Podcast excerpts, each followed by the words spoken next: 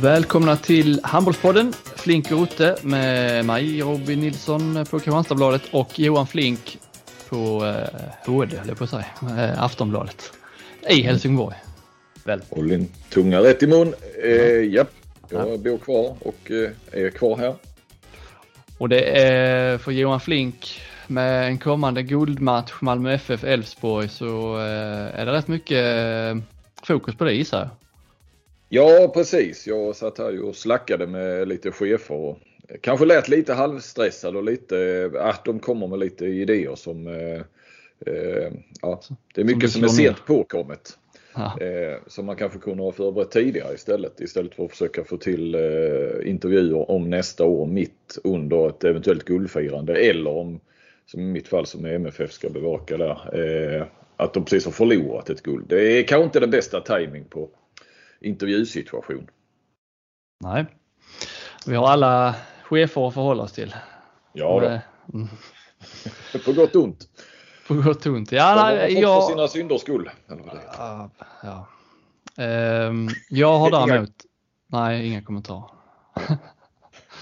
Eh, jag har däremot lite mer, eh, ja, det, här, det pågår inga guldstrider i nordöstra Skåne. Det är visserligen kval till division 1, eh, Hässleholms IF. Men i övrigt så är det mest handboll och hockey här. Och, um, det spelades ju cup-kvartsfinaler igår då på här sidan första matchen av två Uh, IFK Kristianstad förlorade igen. Jag har ju, jag tycker att det är, det är svårt att förhålla sig till, till deras kräftgång eller? Kräftgång så här långt på säsongen. Alltså i ligan har de då gjort sin sämsta start på 12 år. Uh, och nu förlorar de då igen borta mot Önnered trots eh, en skadefri vecka. Sten Tönnesen sa inför matchen där att vi har haft en riktigt bra träningsvecka. Hur ofta har man hört det Flink? Vi har haft en bra träningsvecka. ja, eh, det får man säga är en klassiker. Absolut. Ja, men jag har liksom svårt, alltså, eh, jobbmässigt, hur man ska förhålla sig till detta. Om det är liksom, vad, vad, vad är det då som, vad, vad, är det som inte stämmer liksom? Vi har, eh, hur mycket, hur mycket skit ska Stian Tönnesen ha för att det ser ut som det gör? Eh, Eller liksom en tränare som vann SM-guld för ett halvår sedan eh, hyllad då hans första säsong, kommer hit och vinner direkt. Slog då eh, Sävehof då som var ju ja, en annan liksom jätte. Och nu stämmer plötsligt knappt någonting. Nej, och, liksom... och, nästan bättre trupp till och med, eller samma trupp i stort sett. Ja, eh, bättre får man ju säga att den är. Alltså, det är ju samma trupp med någon liten förstärkning. Liksom. Eh, mm. Alltså man liksom, ska man, var ska man lägga sig? Vad gör han för fel? Vad är det man ska kritisera? För samtidigt så det blir ju märkligt för att eh, en sån som Vranjes när han var här, han eh, blev liksom mycket mer kritiserad och hånades ju nästan eh, stundtals. Trots att han gjorde ju starta i sina säsonger mycket bättre än vad Stian och, och eh, Kristianstad har gjort den här säsongen. Ja, men så hade ju inte Vranjes skulle inte luta sig mot ett guld heller.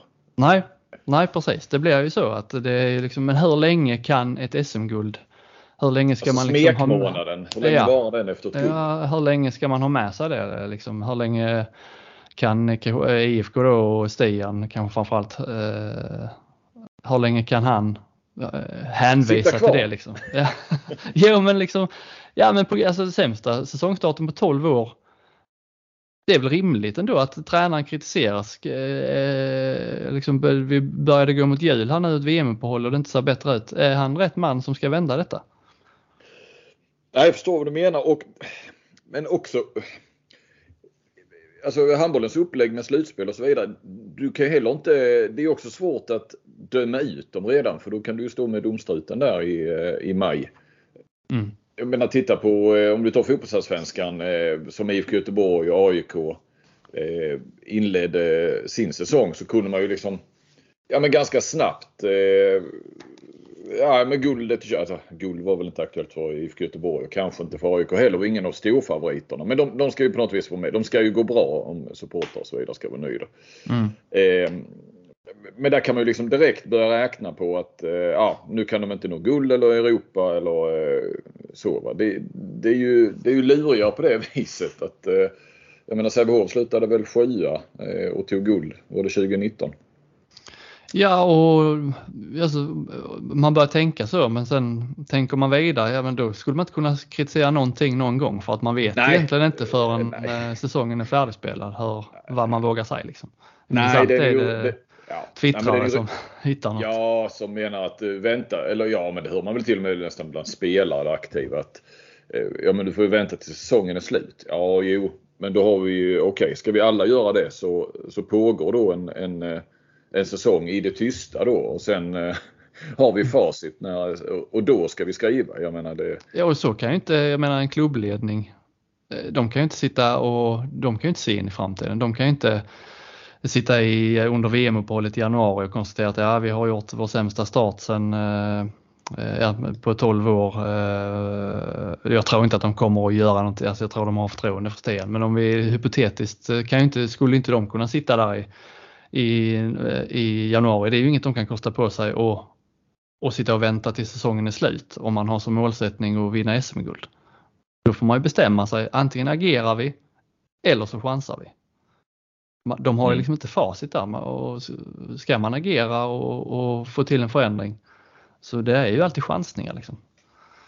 Men de har väl samma bekymmer eller samma, samma, det blir liksom samma tankar som jag har. Att vad, vad är det Stian som, gör han någonting fel eller är det, är det spelarna liksom? Har de blivit så mycket sämre på, på sex månader? Är de, eh, som man hör allt oftare då, är de liksom mätta? Är det motivationen?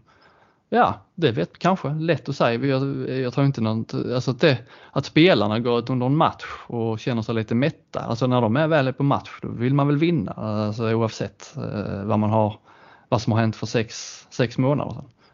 Och det regerande mästare, de spelar liksom i den roligaste gruppen i European League. Där borde det vara tillräckligt mycket eh, som gör att man blir motiverad till att spela bra handboll. Ja absolut, men vi, vi, vi, både du och jag skrev väl att eh, det fanns en risk. Alltså det hotet mot Kristianstad inför säsongen var väl att, eh, att det var lite gamla mätta nu. nu har de, det var ju flera som aldrig hade vunnit ett guld och, och som gjorde det nu då.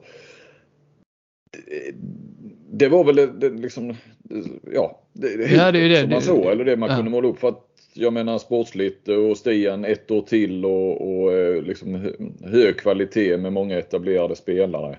Eh, det var ju inget, inget sånt som talade utan mer det liksom mentala. Eh, så det är väl det man får, jag vet inte, för de, väl, de har väl inte ändrat något sådär revolutionerat spelet som att det har gått fel. De borde väl bara ha byggt vidare på någonting som fungerade bra och som egentligen skulle det blivit ännu bättre då. Men, men ja, ja, ja, ja, jag hemfaller ju åt det här med att det kanske ändå är en... Jag fattar ju att när man väljer på match så vill man vinna och så. Men det kanske inte saknas någon sorts driv då eller? Um... Ja och sen samtidigt så hör man då ja, försäsongen visst där var lite, de fick lite skador där i slutet som gjorde att eh, Helt Jepsen och Cederholm eh, var inte med när serien började men liksom annars har man ju bara hört liksom mycket, det, det ser mycket bättre ut in, vid starten på den här säsongen än vad det gjorde vid starten på förra säsongen. Ja. Och då förlorar man liksom två matcher på hela, hela fjolåret. Men sen är det, de pratar om missade lägen och alltså det är mycket det som sådana detaljer som har hamnat i fokus. Att de missar för mycket friläge, gör för mycket, många tekniska fel. Ja, samtidigt det, det hör ju till spelet och det är så extremt. Har det inte varit någon Europamatch där det var extremt men liksom, annars har det inte varit så stor skillnad mellan dem och motståndarna när det gäller sådana. Så det är liksom eh, svårt att...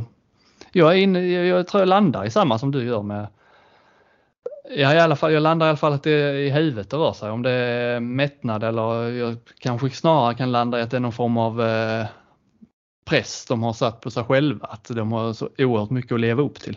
Sån som mm. Marcus Olsson liksom som slog alla rekord som gick att slå så som han avslutade slutspelet att eh, oj det är en rätt hög nivå han måste spela på för att folk ska tycka att han är godkänd. Liksom. Att det snarare kanske kan vara något sånt som mm. liksom mm. spelar ett spratt. Mm. Mm. Men just det, det, det, det, så liksom det journalistiska om man ska skriva, skriva om det här det, jag tycker det är svårt och vilken nivå man ska lägga sig på. Alltså hur, det, det är ju, normalt sett är det ju alltid svårt att kritisera en tränare som nått stora framgångar liksom. Och särskilt nu då när det är, liksom, det, det är bara ett halvår sedan de vann guld. Hur mycket ja, kan ja, ha hunnit gå snett liksom. Nu har de ju, kan de ju vända, vända kuppen fortfarande. Det var ju eh, Önnered eh, vann ju då mot Kristianstad och sen de andra cupmatcherna Ystad slog Sävehof i första matchen. Eh, Hammarby slog Kungälv. Ganska jämnt där ändå. Bara mm. tre mål. Och nu har jag inte dem framför mig. Vilken var nu den tredje matchen? Eller fjärde matchen? Eh, Amo va? Amo, Amo slog ju Aranäs stort ja såklart. Den är väl nästan klar då? Ja, det kan man väl säga. Och på damsidan är det ju då för Final Four klart med någonstans de väntade lagen då. Önnered slog i Skure, det var väl den eh, mest ovissa matchen för oss. Önnered, Sävehof, Kristianstad och H65 i Final Four på damsidan. Men det ska vi bara nämna några ord kanske om eh, att Elliot Stenmalm då eh, var ju en skrällvärvning av Ystad IF och han kom mm. ju till spel. Eh, han blev väl klar där någon timme innan bara och kom till spel. Men spelade inte så mycket eh, mot eh, Sävehof. Jag såg att han blev mållös. Jag vet inte hur mycket han spelar. Ja, jag tror knappt han sköt ett skott ens. Nej. Jag såg inte matchen men vad jag har förstått det som så spelar han väl mest lite försvar med, med brorsan bland annat då. Mm. Eh, ja det är ju en kittlande spännande. Ska ju bli kul och jag Ja, nej man undrade väl lite grann redan från början vad han skulle i Kielce och göra egentligen. Eh, alltså sannolikheten att det skulle bli ett, ett bra, vad ska man säga, äktenskap. Det var väl inte Eh, alltså det, det, var lite för stort steg och det, ja, det var det uppenbarligen också. Han verkar inte ha trivts där heller. Eh, och, och vänder hem så kan man ju, ja, ja jag vet inte, jag har inte pratat med honom men, men han det, var ju, det, är, det är inte så ofta man ser sådana värvningar direkt från, det brukar det är ju liksom alltid Tyskland eller Danmark de mm. går till. Det är sällan man ser dem direkt till Kielse direkt till Vesprem, direkt till eh, ja, PSG och så, mm. alltså andra ligor. Annars brukar det vara en rätt så liten cirkel här runt, eh, runt Tyskland, Norge, Danmark. Ja, och det är ju Ja, och det, det är ju viktiga år för honom. Eh, jag menar han är ju 2021 nu. Han fyller väl i maj tror jag. Mm. Eh, alltså det är ju en, alltså, och på väg lite grann in i landslaget. Solberg var ju rätt så glad för honom och gav ju honom chansen ett par gånger som ja, kanske som sån här utvecklingsspelare någon gång. Men han var ju definitivt med också i, i riktiga trupper vid några kval tror jag att det var. Mm. Eh, men det är en halvt om halvt något förlorat år i stort sett och eh, nu har han ryggproblem också tror jag. Men, men eh, jag såg att Jan Olsson på ÖJA skrev att det var en håll käften värvning som gjorde ja. Öysta till guldfavorit. Ja, jag tycker han har lite att bevisa faktiskt. Jag tror inte man ska dra. Alltså det är en väldigt talangfull eh, spelare såklart men vi... Eh...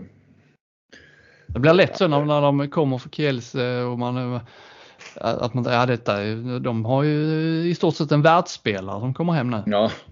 Och, man vet ju, inte, är han bättre han, än när han lämnade? Det vet man inte. Nej, och hur, han var ju bra såklart och jättetalang och han var väl bara 19 typ när han lämnade. Men han spelade också ett RIK, ett, ett bottenlag där han hade ju ett enormt patronbälte. Alltså han sköt väl 20 skott per match eller någonting. Så det, det är klart att det blir en del mål då också. Så att eh, alltså absolut. En, en, eh, om man nu fortfarande kan vara så talang, det kan man väl kanske vara när man är 21. Men, men det var han i varje fall då. Men, men jag tycker han har en del att bevisa på något vis ändå i handbollsligan i, i den här typen av eh, lag också. Den rollen han kanske får.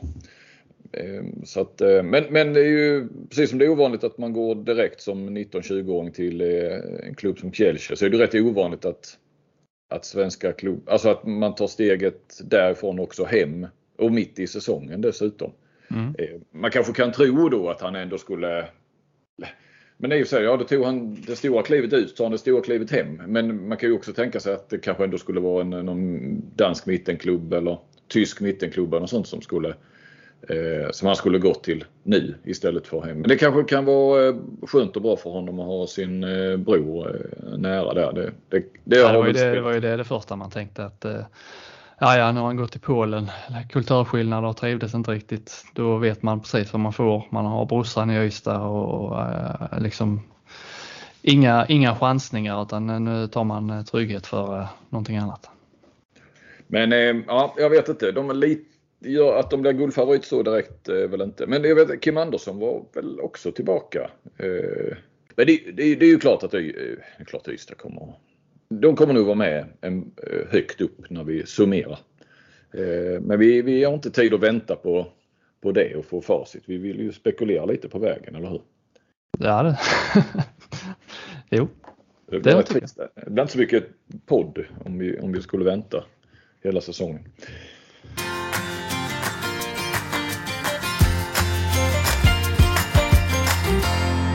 Det pågår ju eh, VM pågår. Har du noterat det? Nej. VM för klubblag. Ja, så är det. VM som tyskarna, eh, Akil och så brukar kalla det så i alla fall. Eh, om man tittar på deras, eh, ja, när de radar upp meriter eller vad man ska säga, pokaler de vunnit. Är det så, så att det är VM för klubblag som det, ja, ja det visste ja. jag inte ens. Superglobe. Eh, ja, jag, jag, jag har lite tankar kring det bara. Eh, pågår ju just nu, började i, här väl i tisdags tror jag och, och kör veckan ut. Det finns ju... Eh, ja, det, spelas, matcher, spelas matcher nu när vi spelar in eller sp den tog väl mm. precis slut. Kuwait Sporting Club mot eh, Füche Berlin. 28-37. Eh, ja, nej men, men, men eh, det är en fascinerande eh, samling eh, lag som de har dragit ihop. Eh, alltså, lite bakgrund bara så föddes den här turneringen 97 och spelades då i Wien. Och sen så eh, dröjde det fem år innan man spelade igen. Då spelar man i Qatar, i Doha. Och så väntar man fem år till, då spelar man i Kairo. Och sen från 2010 till 2018 så spelas den varje år i, i Doha i Qatar. Och sen tog då Saudiarabien över eh, 2019. Och eh, den har ju då vuxit från åtta lag eh, de första åren och sen har det varit tio lag fram till i fjol och nu är det då tolv lag. Och eh, ja, man får ju ge handbollen var ju tidigt utnyttjad eller vad man ska kalla det i, i, med sportwashing i, mm. i, i Mellanöstern där. Alltså det var ju redan ja, Eh, början, alltså från 12-13 år sedan då.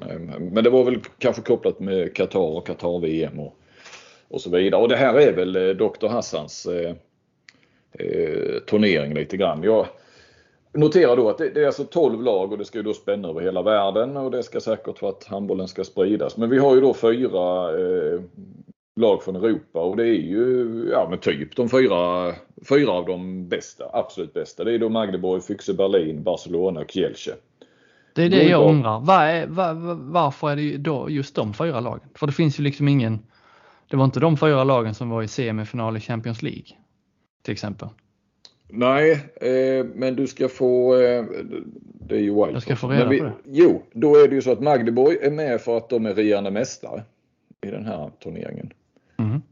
Ja. Eh, och eh, sen är eh, Kielce för att de blev tvåa i Champions League. Mm. Och eh, Füchse Berlin och Barcelona är med på wildcard. Eh, Füchse Berlin för att de vann eh, European League Barcelona för att de blev trea i Champions League. Men det där med wildcard, det, det, de, ja wildcard, det, de kan ju ändra säkert det. Nästa gång kan det säkert vara tvåan i European League. Nej men jag, jag såg att Kiel fick för några år sedan, eh, tror jag också när de hade vunnit European League eller UF-cupen eller vad den hette då. Då fick de ett wildcard. Mm. Eh, det handlar om det liksom man vill ha dit, Hassan vill ha dit de största stjärnorna kan man ju säga. Så om de, ja, om de råkar ja. spela i ett lag som inte har varit kommit trea i Champions League så, så är det inte hela världen. Nej, och Barcelona vill de säkert alltid ha det. Det kan jag tänka mig. Ja. Sen, sen är det då ett lag från Afrika bara. Ett lag från Oceanien. Det är något University of Queensland. Och sen är det ett lag från eh, nord mellan Karibien där. Det är San Francisco, call hit. Mm. Och eh, sen har vi då ett sydafrikanskt eh, Mellanamerika, eh, San Fernando från Argentina. Och så är det då fyra lag från Asien. Det är ju lite intressant. Mm. Då, mm, då är det vinnaren av eh, ja, asiatiska klubb... Asian Club League Handball Championship. Mm. Mm. Eh, det är också eh, Det finns alltså en eh, arabisk, arabiska mästerskapet på klubblag. Det har då Kuwait SC vunnit. Och sen så har Saudiarabien två lag med. Eh, ettan och tvåan i saudiska ligan. Det är en inte helt glasklar turnering. Det har liksom i mitt medvetande har den här turneringen inte riktigt satt sig. Nej, det, det, har det nog inte hos gemene man heller. nej, men jag menar, du fattar ju själv. Alltså, University of Queensland, ett, ett, Australien och kvaliteten vi har där. I USA likadant också. Och de spelar ju alltså mot de absolut bästa lagen i, ja, i världen, då, de europeiska. Och, och vi ska ju veta då att de även om det ligger som det ligger i kalendern eh, mitt i, eh, ja en, eh, i och för sig mästerskapen har inte då kommit och OS-kval som kommer sen och så. Men, men det är ju väldigt, alltså det är mitt i höstsäsongen, det är hektiskt, det är Champions League och det är ligorna i full gång och så vidare. Då, då slänger de in den här. Och det är dessutom nu, alltså det, nu har det precis varit landslagsuppehåll så det blir ju och då är det ju, alltså, så det blir ju extra långa uppehåll från deras egna ligor och så som de tvingas till. Mm. Eh, men de kommer ju ändå med, alltid med de bästa, sina bästa lag då, de här europeiska lagen. Man kan ju tänka mig annars att ja, du skulle ju vila, passa på att vila en del spelare. Mm. Eh, kanske för viktiga uppgifter. Men grejen är ju att det är ju fina prispengar. Det är det ja. Ja. Eh, och eh, det såna, ja, i varje fall 2019 så var det 400 000 dollar till vinnaren. Eh, vi snackar så drygt 4 miljoner. 250 000 dollar till tvåan och 150 000 till trean. Och det, de där tar ju i regel till 90% tar ju de europeiska lagen hand om. Mm. Eh, medalj, alltså hamnar på pallen.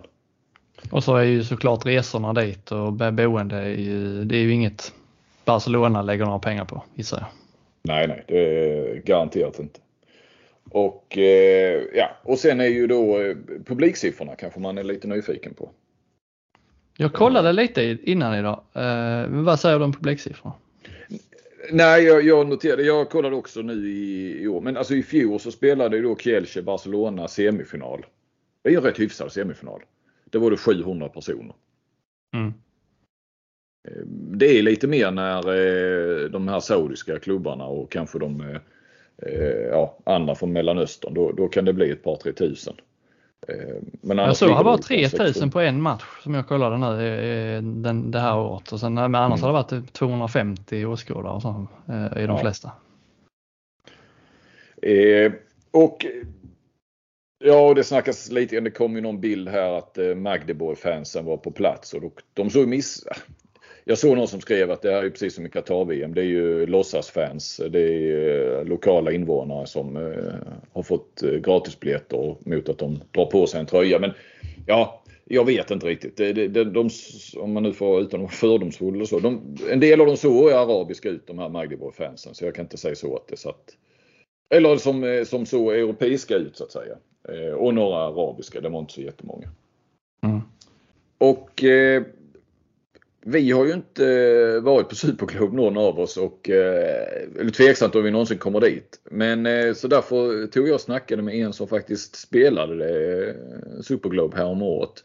Eh, Jonas Samuelsson, numera i Skövde, då var han i Ålborg. Han var med 2021 och spelade där på, på hösten efter Tokyo-OS. Ska vi se. Alltså, det var ju blandad kvalitet på motståndet kan man väl lugnt säga att det var. Ja. Eh, det var ju några lag som var typ ihopsamlade som hade tränat några gånger innan den här eh, turneringen ihop i stort sett. Fattar jag det som. Och något, jag har för mig att det var något, vi mötte, var det Los Angeles eller något sånt där? Något sånt där college, ja på något sätt. Eh, eh, ja, eh, och så mötte vi nog, mötte vi något brasilianskt lag. Ja, det var, det var i alla fall jäkligt blandad kvalitet, kommer jag ihåg, i gruppen. Och sen eh, så torskade vi mot Magdeburg där. Rätt jämnt för mig. Ja, semifinalen med två. Ja. Ja. Speciellt, alltså det var ju kul, kul att ha gjort det. Kul att ha fått den upplevelsen liksom. Eh, mm. Men eh, ja, handbollsmässigt var det väl inte det största kanske. Nej, nej.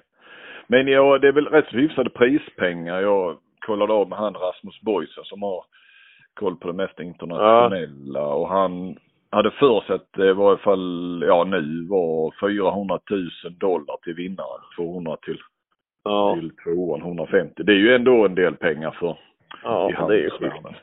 Ja. Jo, men alltså det var ju, jag vet ju att det var skriverier när vi skulle åka dit innan i Danmark, du vet.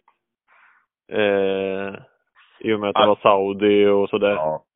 Eh, ja, och ja, jag vet inte. En del att vi åkte dit var ju såklart att det var liksom pengar inblandat. Mm. Eh, och vi kom ju trea kanske. Ja, ja. Ja, och vi fick ju också en, en del pengar in till klubben kommer jag ihåg. Fick, fick, fick ni spelare någonting då? Eller det var ingen bonus för att man blev trea? Oh, jo, vi fick någon bonus tror jag i, alltså det var inte mycket. Vi fick nog, eh, ja, alltså några tusen extra på lönekuvertet nästa månad typ liksom. Ja, ja. ja. Inte några stora pengar. Men det är väl därför, eh, alltså för lagen åker ju liksom med bästa laget känns det ju som ofta. Alltså det är inte så att de eh, kommer dit med och, och lämnar två eh, liksom slitna spelare Nej. eller tre hemma utan eh, Nej, alltså det är ju, de går ju för stenhårt, eller alla lag gör ju det, men det mm och en del i det är väl för att de alltså, får, vinner man den turneringen så kan det ju vara att liksom betala sig en extra väntenia året efter liksom. Ja. Som du kan liksom, ja. Så, så sett så ehm, kan man väl förstå det. Mm. Men jag tänker på, ja men just alltså skillnaden i kvalitet blir ju stor när det då är, ja i stort sett de fyra bästa lagen från, eh, från Europa. Sen har Asien fyra lag, eh, varav två då är, är Saudiarabien och, och så då något amerikanskt och något från Australien. Och, ja. Eh, Ja, men det är ju, ja, det, det är ju en jäkla skillnad alltså från gruppspelet och sen in till, till slutspelet då. Mm. Eh, så sett. Så, ja, jag vet, alltså, det är ju så upplägget är. Jag vet inte vem som har bestämt det. Det är väl eh, Mustafa eller vad han heter liksom. Ja, eh, det är do doktorn. Ja, ja. Eh, ja. Det är så. Hur är publik och sådär då? För jag så, ni hade väl ändå... Ja. Alltså det var ju väl inte... Alltså jag tror det var rätt mycket folk i finalen, då var det nog nästan fullt. Mm. Eh, och sen eh, när de här eh, inhemska laget spelade så var det ju någon klack typ de hade, kommer jag ihåg. Och eh, så var det ju liksom en långsida där eh, shejkerna satt i stort sett. Ja. ja. Eh, så det var ju, ja, det var ju speciellt såg att eh, semifinalen mellan Barcelona och Kielce i fjol, den drog 250 personer. Eh, ja. Står det. Ja, och då var det, då är det nog kanske upp mot tusen då kanske när det här inhemska laget eh, spelar. Ja, ja. Eh, så de, ja, det är ju det de bryr sig om. Ja, ja, ja precis. Ja, nej, han sa ju det var kul att höra för han sa det blev inte, var inte mycket cash som hamnade över hos spelarna. Om det var stora, stora prissummor så det var ingenting som spelarna fick eh, ta någon större del av. Nej, nej precis. Eh, men eh, nej, det är väl så. Det är klart, skulle du kamma hem 4,5 miljon, det är rätt mycket pengar i, i handbollsvärlden och det kanske löser en bra vänsternia som han sa. Ja. Till nästa säsong. Ja. Vi har ju också vår tal, alltså den är ändå intressant lite så för att eh, man, man eh, verkar, om man ska tro Rasmus Boysen, eh, vår, vår danske vän och eh, orakel, så Dr Hassan börjar ju, vad ska man säga, chansera. Vad ska jag säga? Han, han verkar inte vara i så bra form, men, men han är på plats där såklart. Och eh, enligt Boysen så, så går ju ryktena då, då, då var han på bild där med Mohammed bin Abdullah al Matrud. Eh, och att det är nog eh, Hassans eh, efterträdare på posten och att han lämnar 2025. Jag gissar att då är det väl en ny omröstning och då ja, bör, ja det är ju många som har tyckt att han borde ha avgått för länge sedan men, men han börjar bli för gammal och skröplig nu så att Vem är denna äh, ersättare?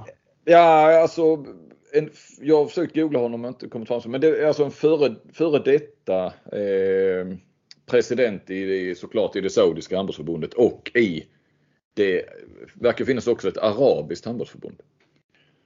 Mm -hmm. Så, eh, och jag menar, eh, och de är då på bild tillsammans där. Eh, och jag menar, har Hassan utsett sin kronprins så, så blir det nog han.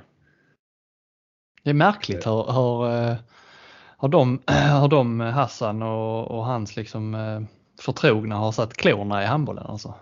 Ja.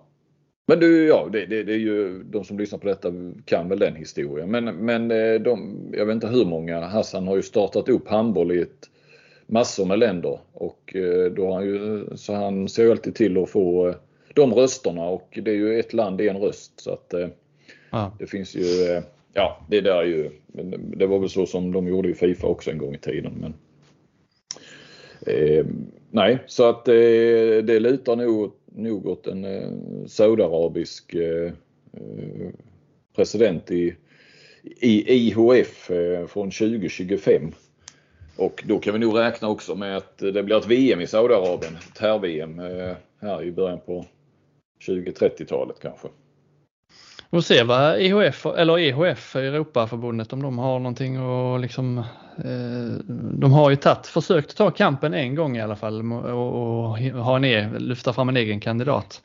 Mm. Men sen eh, de senaste åren har det varit, eller de senaste omröstningarna har det varit, eh, har man liksom inte ens brytt sig om att försöka få fram Nej. någon slags europé. Det är ju liksom ändå Europa som är ledande inom handbollen så det hade inte varit helt orimligt att man lyckades skaka fram en kandidat åtminstone det är väl liksom nu eller aldrig nästan. Eller nu, om, eh, om Hassan eh, liksom ändå ska avgå själv så är det väl är det inte läge då så vet jag inte när det är läge att försöka få till någon slags förändring. Om man vill nej. det, man, man kanske inte vill det. Nej, nej, nej man, kan ju, man kan ju undra lite grann men eh, ja, även om man vill det. Jag tror att Europa är chanslöst. Det är inte så många länder ändå i förhållande till, till världen och, och antal länder som är med där. Det är ju, jag bara tänkte alltså handbollen är ju, så, vill ju vara i framkant med jämställdhet och så. Inte minst i Sverige, i Europa men, ja, men också på, i, på IOF-nivå får man väl säga. Alltså när du utökar herr-VM så utökar du också dam-VM. Även om det kan diskuteras det logiska, eller logiska eller kanske, men Eh, om det ska vara så. Men jag bara tänkte, den här turneringen finns det ju ingen kvinnlig, alltså det finns ju ingen eh, motsvarande på damsidan. Superglobe. Och så tänker man ju att ja, det är inte aktuellt att den ska gå i Saudiarabien kanske med, med deras syn på Nej. kvinnosyn och eh, så. Va? så att, eh, ja, Nej, det var bara en, en, ett litet perspektiv på det. Men eh, ja, ja, vi kommer kanske inte att titta på finalerna precis. Det blir ju lite låtsasturnering. Men, eh, ja, jag tror att du får betala och, och de streamar det alltså på, på eh, själva på något vis. Och IOF eh, smäller på rejält alltså, för att marknadsföra den här alltså i sociala medier och på hemsida och, och så. Mm. Ja. 2019 såg jag att det var ett super, superglobe för, för kvinnor. Så var det så? 2019. Var spelas det då? Eh, I Vuxi Sports, jag gissar att det är Kina då kanske. Men det var inga europeiska klubbar med. Nej, nej, nej. Kina. Mm. Mm.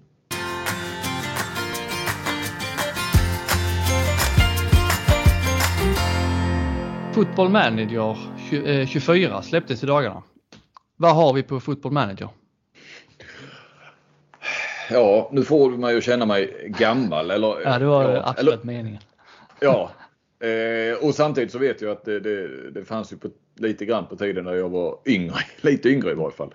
Eh, men men eh, jag är hopplös. Jag har aldrig, nej, aldrig, aldrig spelat, aldrig varit med i det. Nej, nej, men, för de som inte har varit med i det så är det ett, eh, det är ett managerspel då, fotbolls, eh, fotbollsspel. Eh, tidigare hette det Championship Manager eller CM. CM och FM säger ju vi som, som spelar detta. Och man kan väl säga att det har ju format tonåren och de eh, tidiga vuxenåren kanske för eh, främst killar skulle jag tro då i min generation då födda, jag är född 86, mm. liksom del, senare delen av 80-talet och eh, framåt egentligen för det är fortfarande eh, sport, eh, stort. Mm. Från början var det rätt sma, alltså smalt. Kanske inte så, visst kunde man hitta guldkorn på eh, talanger i spelet som blev bra på riktigt men det var rätt smalt ändå liksom. Det var inte Eh, det behövde inte gå så många säsonger för att inse att det kan inte vara så verklighetstroget. Men eh, nu, numera är det ju liksom det är ju så man har läst om, om scout, alltså scouter i riktiga fotbollsklubbar som använder spelet som ett slags verktyg eh, inför när de ska göra sina riktiga värvningar. Liksom. Och det finns ju exempel på eh, spelare eller tränare eh, som tränar riktiga liksom, proffslag i, nu som har börjat sin karriär genom eh, FM faktiskt. Will Still, har du hört hans namn? Han är en sån här klassisk FM-manager, mm. tränar franska REM. Mm. Eh, har jag hört, men jag kan inte liksom, jag kan inte honom. Jag kan inte det så. Men, men eh, ja, någonstans har du fladdat. Det, det, det är ju en resa man gärna Alltså det är en resa man, när man själv spelade mycket FM, så var det en resa man drömde om ju. Att man skulle kunna bara sitta framför datorn och spela FM, bli riktigt vass och så ta klivet rätt ut i ett proffslag. Den drömmen blir ju aldrig riktigt verklighet. För dig nej. Men, eh, för mig nej. Men för honom började det så alltså? För honom började så. Han började sin, eh, han bestämde sig för att bli tränare i, redan i 16-17 års ålder. Satsade på det, sket i den egna fotbollskarriären utbildade sig. Mm. Men ham handbollen har ju inte riktigt den, den generationen eh, potentiella tränare då, som har fått växa upp med något, eh, med något liknande spel inom handbollen. Handball manager fanns det, jag tror inte det finns längre, men det fanns några, några försök till det. det, det jag spelade aldrig det på fullt allvar, testade lite men det var ju eh, det slog liksom inte och det fick inte mig att fortsätta. Det behöver, det behöver ändå hålla en viss kvalitet för att man ska fastna. Men där finns ju en, eh, alltså en, vilken marknad eller vilken potential där finns. Det är kanske en smal marknad men eh, de som är, det vet ju vi som är liksom handbollare, vi är ju rätt nördiga på, alltså gillar man handboll så gillar man det ordentligt. Mm, mm.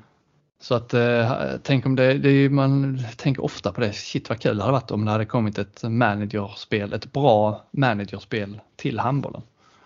Ja, för vi har ju, vi har ju light-versionen här när det är sådana, eh, vad heter det, inför mästerskapen som eh, ja, precis, danskarna ja. kör där. Holdet och så ja. Mm. Ja precis. Och där är ju, ja, ja men det brinner ju till lite där. Ja till och med hos dig har det börjat göra det på senare år. Ja, ja, ja. Ja men då känner man sig som en, eh, form, kommer man högt upp i de ligorna, Holdet ligan ja. vid mästerskapen, då är man ju lite av en expert ju. Det, det, så ja. blir det ju. Det är ju bara att lägga pengarna på Sagosen och sådär. Det är ju hela poängsystemet. Det är ju konstigt. Ja, ja, det är ju en annan diskussion. Du väcker kritik mot... Sportbladet har ju med något liknande på fotboll. Det är ju samma där. Ja, men det blir ju... Det är ändå lite bättre tycker du? Det är bättre där? Ja, ja, ja det är klart jag tycker. Men, men eh, jag kommer ihåg där då när eh, det var några mästerskap. Sen kan det ha varit eh, Egypten, VM just när man såg det på hemmaplan. Allt var lite lugnare. Då kunde jag ge mig in och ha lite mer tid till det. Eftersom man bevakade hemifrån på grund av coronan där. Ja, då kommer jag ihåg då du och jag satt sådär. Så, du hade ju fattat grejen. Det hade du gjort långt tidigare säkert. Men att man bara skulle ta, alltså jag var ju inne på att då kommer de att vinna den matchen. Då är det bra att ha den. Alltså jag hade väl någon sorts fotbollstänk som är kanske mer värt där då ju. Mm. Att det kvittar om du spelar. Alltså det handlar bara om att ta han som lägger straffar och skjuter mycket så får du eh, Kvittar om de vinner eller förlorar bara spelarna gör mycket ja. mål. Ja, och du kan ju spela ett dåligt lag och ja precis förlora med 20 men, men eh, ja, nej, ja, mm. ja. Jag vill minnas att du var, lite rädd för att göra, du, du var lite rädd för att göra byte också. Du vill gärna ha ditt lag mm. fram, fram så ja, länge jag som möjligt. att det fanns något värde i det men det är klart att det inte fanns. Ja. Men jag, jag, jag liksom, eh, när man kollade igenom det här nya FM då, uh, nyheterna och eh, för jag har inte spelat det på ett tag och jag fick sånt otroligt sug efter uh, managerspel. Dels blev jag sugen på att spela FM men jag blev nog ännu mer sugen på uh, att spela ett managerspel i handboll. Alltså särskilt nu när vi då är vi är ju liksom lite i silly season tider nu. Beslut ska fattas om kommande trupper och så här. Mm. Om man tänkte tillbaka där då, där fanns kultspelare då. Eh, Maxim Tsigalko på FM då som var, var ju, blev världens bästa spelare och öste in mål. Han slog ju aldrig riktigt igenom på riktigt. Liksom. Han blev en sån kultspelare som blev känd på riktigt för att han var bra på spelet. Han gjorde några, han Vitryss då, han gjorde några landskamper men sen eh, liksom eh, tungt skadedrabbad och tvingades eh, sluta sluta långt i 40, nu har han tyvärr gått bort också, men han tvingades sluta liksom som ung spelare eh, alldeles för tidigt för det som skulle kunna ha blivit en, enligt FM då, sensationell karriär. Lite kan vi, FM-världens svar på Oskar Karlén kan man väl säga. Mm. Som hade alla som hade alla förmågor, alla skills för, för att bli en världsspelare. Och han var väl uppe och nosade men tvingades sluta. Ja men så tänker man vad man skulle gjort liksom. På FM handlar det mycket om att värva ihop, om man är en sån spelare som jag i alla fall, handlar det mycket om att värva ihop bra assisterande tränare. Alltså man liksom slapp det här eh, hålla på med det här skitet i, i vardagen. Tråkiga träningsövningar och prata med media och sånt. Det, det, liksom, det kunde man ge bort till någon annan. Och det, jag misstänker att det skulle vara drömmen även för de flesta tränarna i handbollsligan. Många säger ju att ja, men jag, eh, jag vill ha vardagen, jag vill liksom träffa laget varje dag. Ja, men jag tror inte att de är sådär exalterade varje dag över att stå och hålla i kontringsövningar eller passningsövningar. Uh, alltså som manager har man ju liksom fullt upp med att sätta upp en taktik, värva rätt spelare, se till att åldersstrukturen i truppen är rätt. Uh, man har en budget att förhålla sig till. Man har uh, förväntningar från styrelsen och, infria. Liksom. Det, det, är det som, eh, det är det som riktiga managers brinner för. Mm. Eh, och nu är det ju liksom mycket de tiderna i handbollen. Det är väl, egentligen är det väl alltid silly season i handboll. Eh, från mm. när börjar silly season och när slutar den? Man vet inte riktigt. Fönstret stänger i februari men man håller på fram till februari och när fönstret är stängt så håller man ändå på och försöka värva spelare tills det öppnar igen. Så att det, det ja, och det värvas ju spelare med, med tidshorisonter på ett, två år ju. Så de, de kan ju... Ja, de nyheterna kan ploppa upp när som helst egentligen. Ja. Nej, det är ingen, liksom ingen ordning och reda direkt. Uh, men på, på FM var ju silly season, den var ju egentligen mycket roligare än serielunk i oviktiga bortamatcher där i oktober, november, januari, februari. Alltså helt oviktigt. Det var ju sommarmånaderna som var det absolut roligaste att värva mm. eh, hitta, hitta spelarna. Men vilket lag, om man säger att det hade funnits FM i, i handbollen då, eh, eller att man rent av skulle liksom få den chansen som Will Still fick och bara gå rätt in i ett proffslag från datorn. Vilket lag hade man liksom velat ta över då?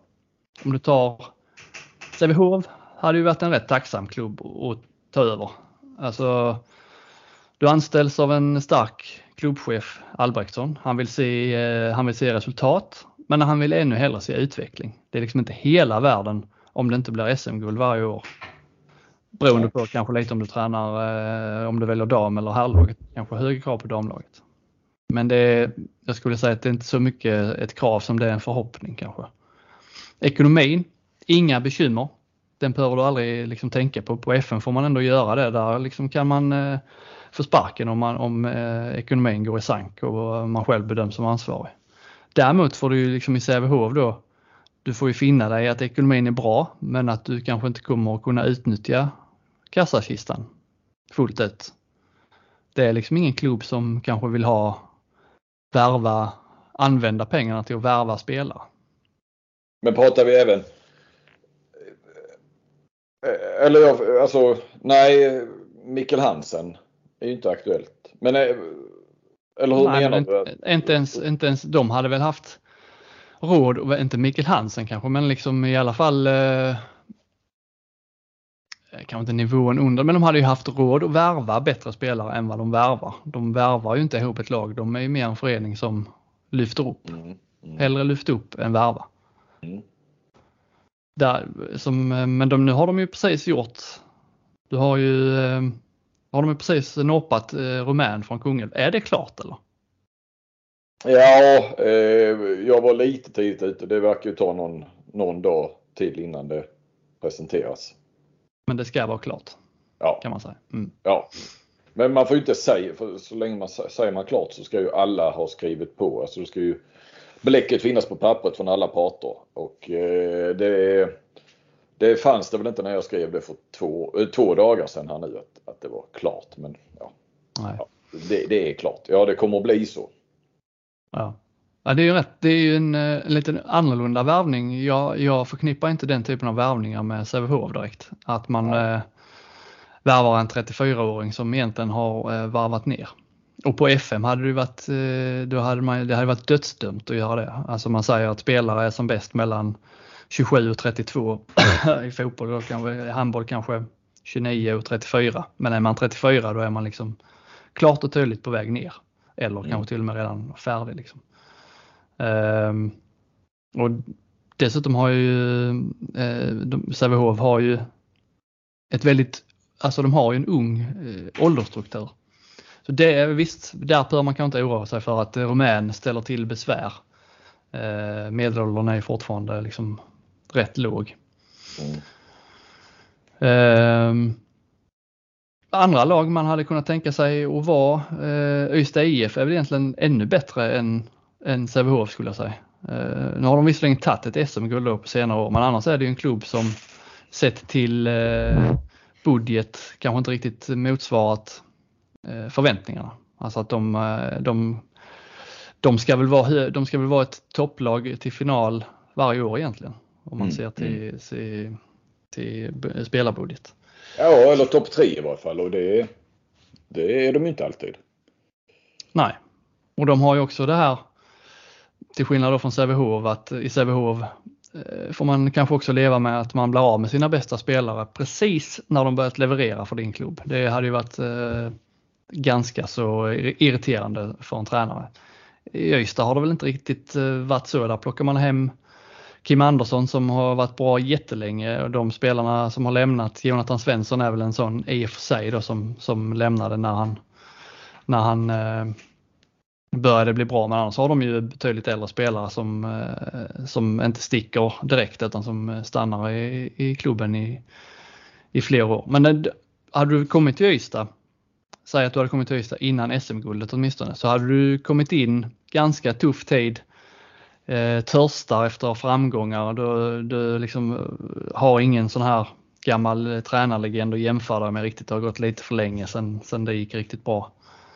Eh, dessutom, ja du har eh, rätt gott om pengar att värva fritt. Plus då, du har liksom den här absoluta perfekta kombinationen plus att du har en ständig påfyllning av egna talanger. Det kan ju också vara helt avgörande på FM och i Handball Manager. Eh, men Önnered kanske är den, den liksom drömklubben ändå. Att ta över. Ja, jag, jag förstår vart det Ja, jag börjar fatta tankegången. Ja, du gör det? Mm. Ja. Både på dam och herrsidan. Alltså som manager att komma in i Önnered, det hade ju varit fritt blås. Mm. Alltså det ska satsas du kommer in i rätt tid. Det finns inga liksom, tidigare framgångar att tala om. Eh, förväntningarna är fortfarande ganska låga så utifrån. Eh, men inifrån så har du liksom, här kan du värva spelare. Det finns inga, du behöver inte tänka på någon speciell strategi eller så. Värva hit de bästa spelarna bara. Du kan till och med ta in Magnus Andersson som, som, som ger lite hjälp så vid sidan av. Inga bekymmer. Så det är både på dam här. Problemet hade varit då, och det har ju börjat smyga sig in då på, på FM, eh, mer och mer att man ska, liksom ska behöva ta, ta hänsyn till människorna. Det är rätt jobbigt ju. Ja. Alltså, ta Önnered då, ja då kanske du hade fått eh, liksom eh, anpassa dig till gnälliga spelare, missnöjda spelare. Hur håller du alla nöjda? Om du värvar för många på en position, eh, då börjar den ena gnälla om speltid. En annan vill ha bättre kontrakt. En tredje får liksom eh, ha disciplinproblem och får röda kort hela tiden. Hur hanterar man det? Eh, så det hade ju krävts ändå en rätt, eh, rätt stor fingertoppskänsla där i de här diskussionerna med spelarna för att inte... Det är rätt lätt. I Football Manager är det rätt lätt att reta upp hela Göteborg då i det här fallet om man trycker på fel knappar. Liksom. Och måste man använda egna talanger lite oklart va? Vad då menar du? Med, Ja, i Önnered. Måste de använda egna talanger eller är det, eller är det värvningarna som ska vara i fokus? Ja, ja. Mm. Mm. ja, de, ja. Nu börjar det ju komma lite men de är ju fortfarande rätt så unga de där talangerna i, i Önnered. Om vi nu mm. snackar verkligheten. Men alltså, ja, nu avslöjar jag ju min okunskap här verkligen. Men vad, vad, är, vad avgör, alltså är det kopplat till verkligheten hur det går i matcherna? I de riktiga matcherna? Eller hur spelas, hur, hur spelas matcherna? Hur får man fram resultaten och hur vet man att det går bra eller dåligt? Ja men alltså det, du, det, det som har med verkligheten att göra är ju att spelarna, eh, det är de riktiga spelarna med, det, med de rätta skillsen då eller de rätta egenskaperna.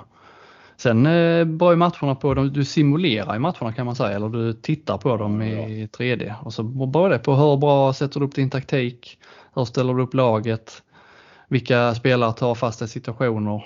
Men du kan inte styra spelarna? Alltså nej, det är inte Fifa? Nej, det är inte Fifa. Nej, nej, nej. Och det är inte heller Holdet som ju bygger på verkligheten? Nej, nej. Utan det här, handlar ju om, det här handlar ju verkligen om dina, din förmåga att bygga ett lag. Ja. Ja, i förhållande till de andra som ju också är med i spelet. Mm. Mm. Ofta är det ju datorn man möter i spelet. Ja, okej. Okay, okay. Så de kan vara lite luriga.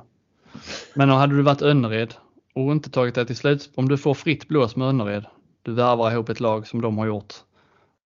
Eh, du tittar vad, hur är styrelsen, eh, vad har de för tålamod med tränare? Baserat på deras track record denna säsongen så Visst, jag hade nog gärna tagit över Önnered, men hade jag missat slutspel med dem så hade jag ju fått kicken direkt. Ja. Ta, en, ta ett lag som Skuru. Det hade väl varit en mardröm att ta över. Alltså i ett managerspel, träningskultur är ju inte riktigt det du vill förknippas med. Träningsmiljön. Träningsmiljö, ja. ja. Nej, det är inte det man vill förknippas med. Eh, och långsiktighet och sådana grejer, det är ju ja. verkligen för finsmakarna. Eh, ja. Och lite historia att leva upp till. Och, ja. Och nej, nej, men vem har, vem har det tålamodet? Det har man ju inte. IFK Kristianstad som vi var inne på, det hade ju varit något att bita i alltså. Eh, eh komma in eh, på hösten efter ett SM-guld, maximala krav. Åldersstrukturen lite för gammal kanske. Ekonomin är inte vad den har varit. Alltså eh, FM-spelaren i mig hade ju gjort total utrensning här de två första åren. Men frågan är då, ja, hur hade en otålig media som ställer den ena frågan, domaren den andra, hur hade de reagerat? Eh, hade, är styrelsen tillräckligt stark för att orka stå upp mot stormen som hade blivit om man hade tagit bort, rensat ut guldhjälte efter guldhjälte och klubblegendar? Men vadå, alltså vadå, i det här spelet, är, är media med där då på något vis? Ja, ja. Jaha. Det är presskonferenser och går det dåligt så liksom ställs du till svars och svarar man. Alltså det, det, det, det, är höga krav, alltså jag säger det Flink. det är helt enkelt, ja. Det är därför, det är därför det är därför man kan gå från managerspel rakt ut i verkligheten. För att man liksom har fått... Ja, ja, man tränar sig där. Ja. Det är parallella universumet. Ja. Ja, och du vet, eh, tränar man ett lag i England så är media mycket tuffare än om du tränar ett lag i Tyskland. Såklart, ja. Hammarby då? Liksom där, där skulle jag säga att hade, hade man tagit över Hammarby på FM så hade varumärket varit en enorm fördel. Alltså vem har inte varit med om det på FM när man har haft råd att värva en spelare? Alltså du har till och med haft råd att värva Leo Messi. Men den spelaren är programmerad att hellre vilja spela för någon annan klubb. Mm. Typ Barcelona, oavsett vad han får för lön. Det är ju eh, oerhört irriterande. Men där, det hade ju kunnat vara Bayerns USP och det är väl egentligen Bayerns USP på, i verkligheten. Mm. Alltså hu eh, huvudstadslag, spelare kanske beredda att gå ner lite i lön för att få spela där. Eh, man kan utbilda sig vid sidan av. Alltså det finns ju, det blir ett helt annat liv kanske att spela i Hammarby och bo i Stockholm än att spela i eh, Amo eh, eller Kristianstad för den delen. Alltså det, det, är en klubb som är som gjord för att bygga kultspelare, som Edvin Aspinbäck till exempel. Mm. Ja, absolut. Nu när du har hört detta Flink? Åh, vilken klubb skulle jag välja? Ja. Menar du? Det är din fråga. Eh, Och vad hade... Ja. ja jag, kanske Ystad då. Vad hade du varit för manager? Du som tränar ett ungdomslag, hade du varit en, det, det känns som att du hade passat in bättre i Sävehof egentligen. Ja. Det är inte så mycket för värvningar så, även om nej. du har mycket med silly season så hade du, du tror på ungdomarna och så, du ville ja. ge dem chansen. Ja. ja, precis. Ja. Men det är ju en hel del ungdomar i, i Ystad också. Eh, ja. Alltså, det är ju en bra plantskola. Mm. Eh, kommer ju några duktiga årgångar där nu också så att eh, ja, kanske Ystad då. Kanske man kan eh, ta en eh, Ystad Saltsjöbaden. Kanske mm. man kan tillbringa lite tid där. Eh, Sluppit kan... språkförbristningarna med skånskan hade funkat bra. Kan Exakt. ju också vara problem på FM om man inte kan språket. Ja. Eh, jag vet inte, ibland känner jag mig som en småstadsmänniska också kanske. Mm. Men det kan inte ha så stor betydelse för eh, i, i, i är, pengarna, är pengarna de rätta så spelar det ingen större roll. Nej, nej. nej. Nej, och där finns ju. Och där har du verkligen en sån här, eh, eh, vad heter han, Svensson, sponsorn. Eh, ingen aning om det är han som nu har eh, ställt upp med stålarna till eh, så att de har lyckats ta dit eh, Elliot Stenmalm eller hur det har gått till det vet jag inte. Men det, det är ju en sån som nog är, är beredd att, om man hittar den ja, ska man säga, perfekta spelaren eller så, är han mm. beredd att, att slanta upp lite. Ja, det är, det är den perfekta FM-värvningen, eh, Stenman. Alltså mitt under mm. säsong bara öppna plånboken, tar in en liksom, eh, talang och liksom etablerad spelare i, på handbollsliganivå. För det får man ändå säga att han är. Eh, mm. det, det, är inte många managers som hade kunnat unna sig det. Nej. Men du, kanske, men det... du, du kanske är mer, du kanske inte är någon riktig manager. Liksom, du har aldrig spelat i FM. Du, Nej, det är nog det som är, det, är nog det givna svaret. Ja. Vad är det du sköter i zon nu? Du sköter det administrativa? Ja, eh, och precis. Är fortfarande ungdomsansvarig här eh, säsongen ut. Sitter med mm. i styrelsen. Men, eh, och är lite lagledare och lite så kring pojklaget där. Mm. Jag fick förresten mm. backning av Ulf Schäfert som hade hört Eh, när vi, eller jag var det kanske som sågade hans eh, administrativa förmågor. Men eh, han, var, han sa då, påminner mig om att han var utbildad socionom och har stenkoll på det administrativa, papper och pärmar och sånt. Jo, men det är väl old school administrationen kanske han är lite bättre på. Ja. Han har nog inte, jobbar väl inte så mycket med, med appar och datorer. Eh, nej. Vad skulle du, eh, vilken, jag måste ju fråga vilken, eh, vilket, vilket lag skulle du ta då som manager? Ja, men jag är ganska hemmakär så jag hade ju tagit över Kristianstad ändå. Mm. Finns rätt mm. stora möjligheter här att göra skillnad. Men det där med profet i sin egen hemstad och det då? Nej, men jag, eh, det har jag inga problem med. Nej. Jag, jag, jag gör det hårda jobbet. Jag kör mjölken. Som på ja. Kristianstadsbladet. Så det hade blivit, det hade blivit hemmaplan. Sen kanske eh, vidare rätt ut till Magdeburg. Ja, Magdeburg. Fint. Man, man vill ju börja. Eller fint, på... men med det, ja. alla gillar väl Magdeburg nästan. Ja. Känns det som nu. Ja. Men vi får se. Jag hade, jag hade hoppats att eh, förr eller senare måste det komma ett managerspel värd namnet och eh, jag är den första som kommer att, att testa det i så fall. Mm. Mm. Kan spela ihop du och jag kanske Flink. Lana. ja, vi kan ta några nätter och Lana. Mm. Ehm, därmed Flink så säger vi eh, tack för den här veckan och på återhörande igen om två veckor. Ja, och eh, då börjar det ju, vi får se lite hur vi gör nu. Det är närmare sig dam, ja. VM ja. Och eh, vi får väl se här. Eh, känns som eh, Stocken kanske knackar på dörren här. Nej, otålig nu.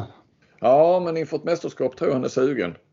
Och eh, sen brukar vi ha med Frändesjö också så att eh, ja, vi får se, se hur vi löser det. kanske kan bli två avsnitt där, eh, alltså ett, ja, två veckor i rad. Mm. Vi går in i roliga månader nu. Vi ska bara klara av november, sen har vi eh, eh mästerskapsmånader i december och januari. Det är alltid härligt. Ja, tänk de som inte har liksom handbollen och mästerskapen. Då är det tunga månader här nu. Alltså. Ja, det, det gäller liksom verkligen att stålsätta sig här annars. Ja.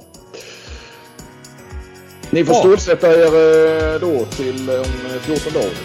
Så hörs vi igen. Tack ska ni ha. Tack.